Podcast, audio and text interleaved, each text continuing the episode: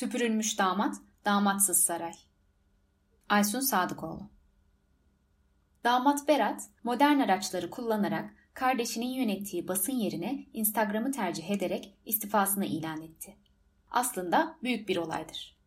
Saray damatsız kaldı ki saray rejiminin fıtratına uygun değildir. Saray rejimi, öyle yaratmış yüce yaradan, akçeli işlerin aile içinde döndüğü, rant, yağma ve savaş ekonomisinin üzerine yükselen bir fıtrata sahiptir. Böyle olunca sarayda içeride bir damat hazineden sorumlu, dışarıdaki damat ise silah sanayiinden. Oğul sıfırlama işini çok ama çok ileri taşımış durumdadır. Eğer aile içinde oğullar kızlar kadar cevval olamamış ise elbette damatlar öncelikli bir rol oynamaya başlarlar. Sonuçta ise fark eder noktaya gelene kadar tümü aile içindedir ve fark etmez. Damadın istifası bu nedenle büyüktür. Damat aslında saraydan süpürülmüştür. Süpürme sözünü Zapsu'nun Erdoğan hakkında Amerikalılara verdiği referanslardan almış olalım. Ama yine de burada tam yerine oturuyor. Hatta başka ne dersek eksik kalır. Damat saraydan süpürülmüştür. Öyle atılmıştır. Kendisi şahsım olmadığından bunu kabul etmek zorunda kalmasına kızgın, elindeki Instagram hesabından derdini kamuoyuna ilan etmiştir. O metinde dahi süpürüldüğünün izleri vardır. O metin, açıklama ya da istifa, saray tarafından görevden af talebi olarak ilan edilmiştir. Öyle görülmüş olduğunu sanmıyorum ama öyle gösterilmiştir. Saray itibarından tasarruf edilemeyeceği için özgür ağırlığı yüksek ama ağırlığı az olan bu metni af talebi olarak okumuştur. Öyle ya, isyan diye okuyamazdı. Damadın isyanı saray için ters olurdu. İsyan daha soylu bir sözdür, ciddidir. Sadece özgür ağırlığa değil, iyi de bir kütleye sahiptir. Ama rant, yağma ve savaş ekonomisi üzerine kurulu saray sisteminde isyan elbette karaktere sahip bir şey olarak var olamaz. Sarayda tek bir karakter vardır. O da korkunun arkasına saklanmış bir gölge gibidir. Damat Berat Hazine ve Maliye Bakanıdır ama aslında ondan daha çok şeydir. Hazine ile ilgisi paralarla ilgilidir. Ama aslında daha önemli bir yere sahiptir. Erdoğan damadını her ne kadar azarlasa da aslında her ne kadar aile içi durumların mecburi sonucu olarak damatı ortaya çıkarmış olsa da ona daha büyük bir işlev vermişti. Saray damadın kayınpederinin şahsım olduğu yerdi ve o da orada önemli bir temsilciydi. İşte böyle olunca istifa olayı tam bir süpürülmeye dönüşmüştür. Süpürülen damat kayınbabasının gölgesinden babasının gölgesine doğru göç etmiştir. Bu mecburi göç bir Instagram hesabından sağlık sorunlarım nedeniyle yapılmış. Anneme, babama, eşime ve çocuklarıma zaman ayıracağım cümlesinde tam bir kırıklık olarak ortaya konmuştur. Davaya bağlılığı bilinen baba Albayrak, Erdoğan'a ihtiyacımız var diyerek aslında bu göçü bir saldırının izlemeyeceğini ilan etmiştir. Böylece süpürülme operasyonu tamamlanmıştır. Damat Instagram'a mahkum olmuş istifa ilanında hak ve batıl ve at izi it izi gibi ayrımları da dile getirmiştir. Bu aslında damadın ilk ideolojik tepkisidir. Süpürülme burada da yerine oturmaktadır. İstifa etmemiştir. Af istememiştir. Süpürülerek uzaklaştırılmıştır. Peki bu istifa neyi gösterir? Erdoğan neden bu süpürme işlemini yapmıştır? Saray medyası aslında bu konuda haber verememiştir. Binlerce radyo ve TV kanalı içinde sadece 5 tanesi haberi vermiştir. Aslında haber değeri olmadığından değil elbette. Sadece saray medyası Erdoğan'ın tepkisini beklemiştir. Öyle ya, Soylu istifa etti ama kabul edilmedi. Ya bu da kabul edilmezse ihtimali saraydan bir açıklama beklemeyi zorunlu kılmıştır. İstifa süreci her şeyden önce çürümenin en açık kanıtıdır. Saray rejimi çürümüştür, kokuşmuş sistemin tam yansımasıdır. İstifa ile saray rejimi içinde sevinenler olmuştur. Öyle ya, saray rejimi aynı zamanda devletin gelişmiş çeteleşmesinin de kanıtıdır. Bu durumda bir çetenin aldığı darbe diğerlerini de elbette sevindirir. AK Parti içinde sevinenleri saymaya gerek yok. Çünkü sayıları ne olursa olsun önemsizdirler. Saray rejimi AK Parti'nin bir parti olarak ortadan kalkması da demektir. Ama ulusalcı, ergenekoncu ve daha bilmem hangi çetelerin sevinmiş olması kayda değerdir. Ama bir önemi olmadığı kanısındayız. Saray rejimi o denli çürümüştür ki burada sevinçlerin de anlamı olamaz. Bu nedenle Erdoğan'ın damadı süpürmesi işini daha çok iç siyasete, saray içi dengelere bağlayanların analizleri çok ama çok eksiktir. Merkez Bankası'na Ağbal'ın getirilmesi, Ağbal ve damat arasındaki sürtüşmeler vesaire nedeniyle Albayrak'ın içine sindiremediği bir iştir. Üzerinden yapılan analizler olsa olsa görüntüde bir anlam taşır.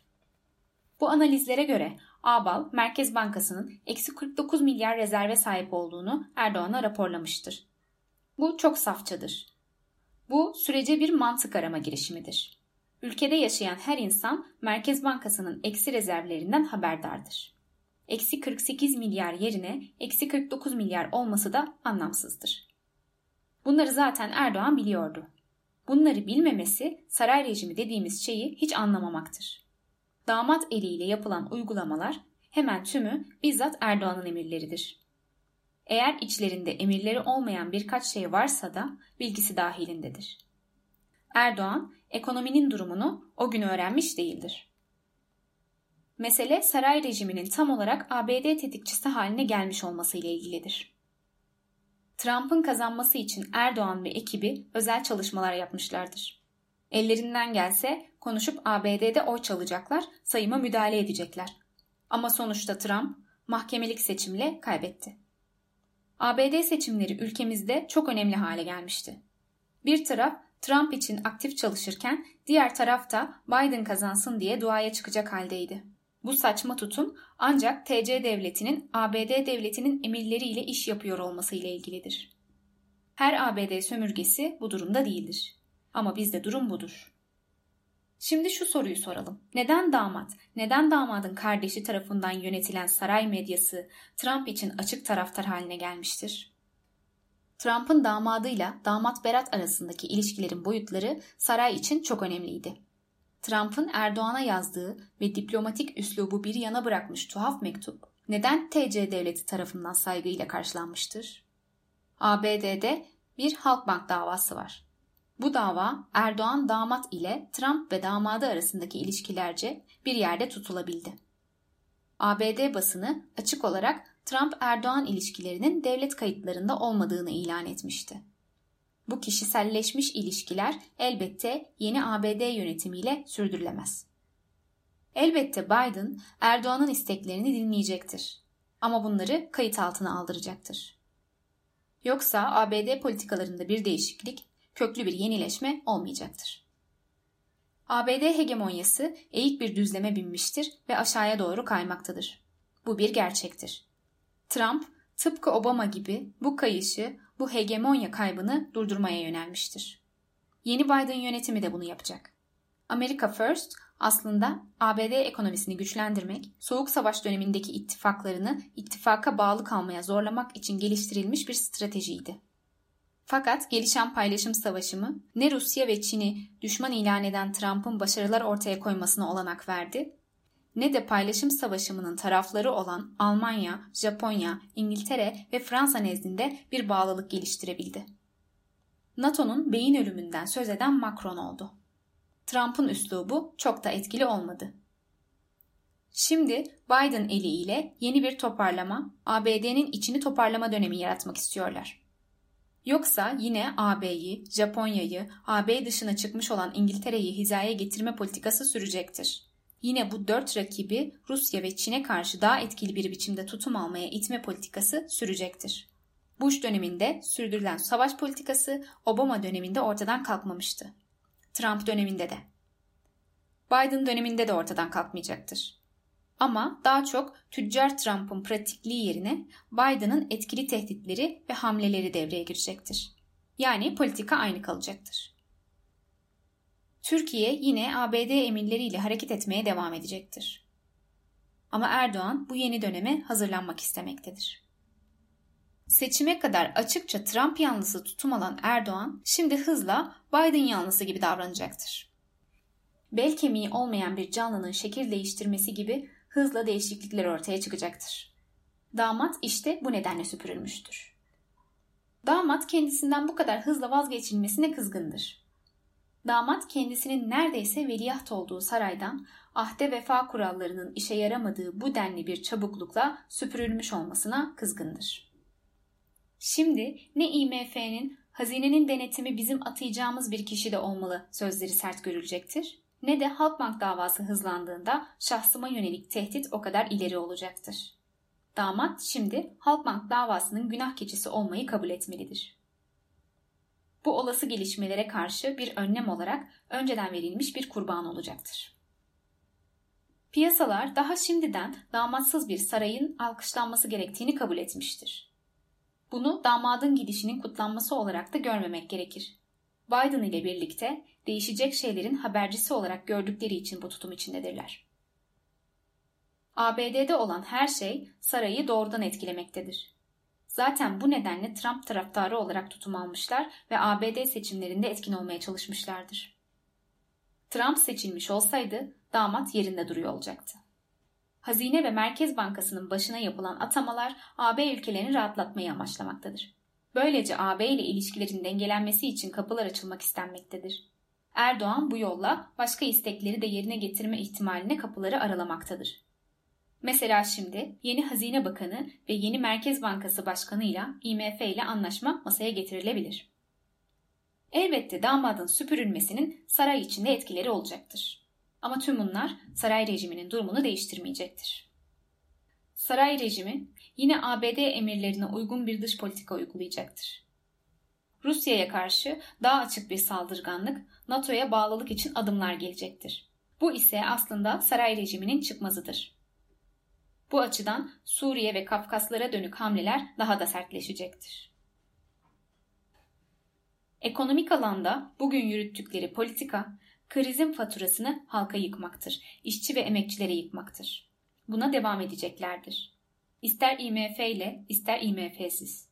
Elbette saray çevresinde çöreklenmiş bazı şirketlerin durumu fark ederek sermayelerini yurt dışına çıkarma girişimleri bugüne kadar olduğu gibi sürecektir. Kürt devrimini bastırma politikaları olduğu gibi sürecektir. Elbette Kürt devrimini bastırma politikası her zaman dün olduğu gibi yarın da Kürt hareketi içinde Barzani güçlerinin desteklenmesi politikasının devamıdır. Yani bunlar çelişkili değildir ve buna devam edecekleri açıktır. İçeride işçi sınıfına emekçilere karşı şiddet ve baskı politikası, devlet terörünün etkili kullanılması sürecektir.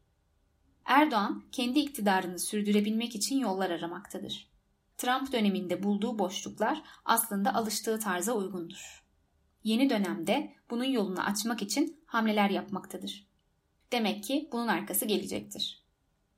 Damat olsa olsa burada kurban olarak önden masaya sürülmesine kırgındır. İşçi ve emekçilerin bakması gereken yer saray rejimine karşı yükselmekte olan tepkinin örgütlü bir direnişe çevrilmesidir. Sokakta bir vatandaş Erdoğan yargılanmalıdır dediği zaman tutuklanıyorsa bu saraydaki korkunun derinliğini gösterir. Zira bu insan binlercesi, yüz binlercesi, milyonlarcası gibi evinde zaten bu dileğini söylemektedir. Bunu sokakta söylemesi işin dayanılmaz bir noktaya geldiğinin göstergesidir. Bu tek kişiden yükselen direniş sesidir. Direniş artık hayatın her alanında kendini geliştirmektedir. Direniş örgütlülükle birleşerek büyüyecektir. Bunun dışında bir kurtuluş yolu yoktur. Hiçbir emperyalist güç, hiçbir büyük güç dünyadaki hiçbir halkı kurtarmaz. Böylesi bir kurtuluş olmaz. İşçi sınıfı ayakları üzerinde doğrulmalıdır. İşçi sınıfı devrimcileşmelidir. Bunun yolu direnişten, örgütlenmekten, kendi örgütlerine sahip çıkmaktan geçmektedir. Trump'ın yerine Biden, damadın yerine bilmem kim gelecek de bundan işçi sınıfı ve emekçilere bir kurtuluş umudu çıkacak düşüncesi, safça, korkakça, kendine güvensizce bir tutumun göstergesidir. Anadolu'nun her yerinde, bölgemizin ve dünyamızın her yerinde gelişmekte olan direnişlere bakmak, oradan umudumuzu beslemek gerekir. Kendi eylemine, kendi iradene, kendi örgütlenmene güvenmek esas olandır.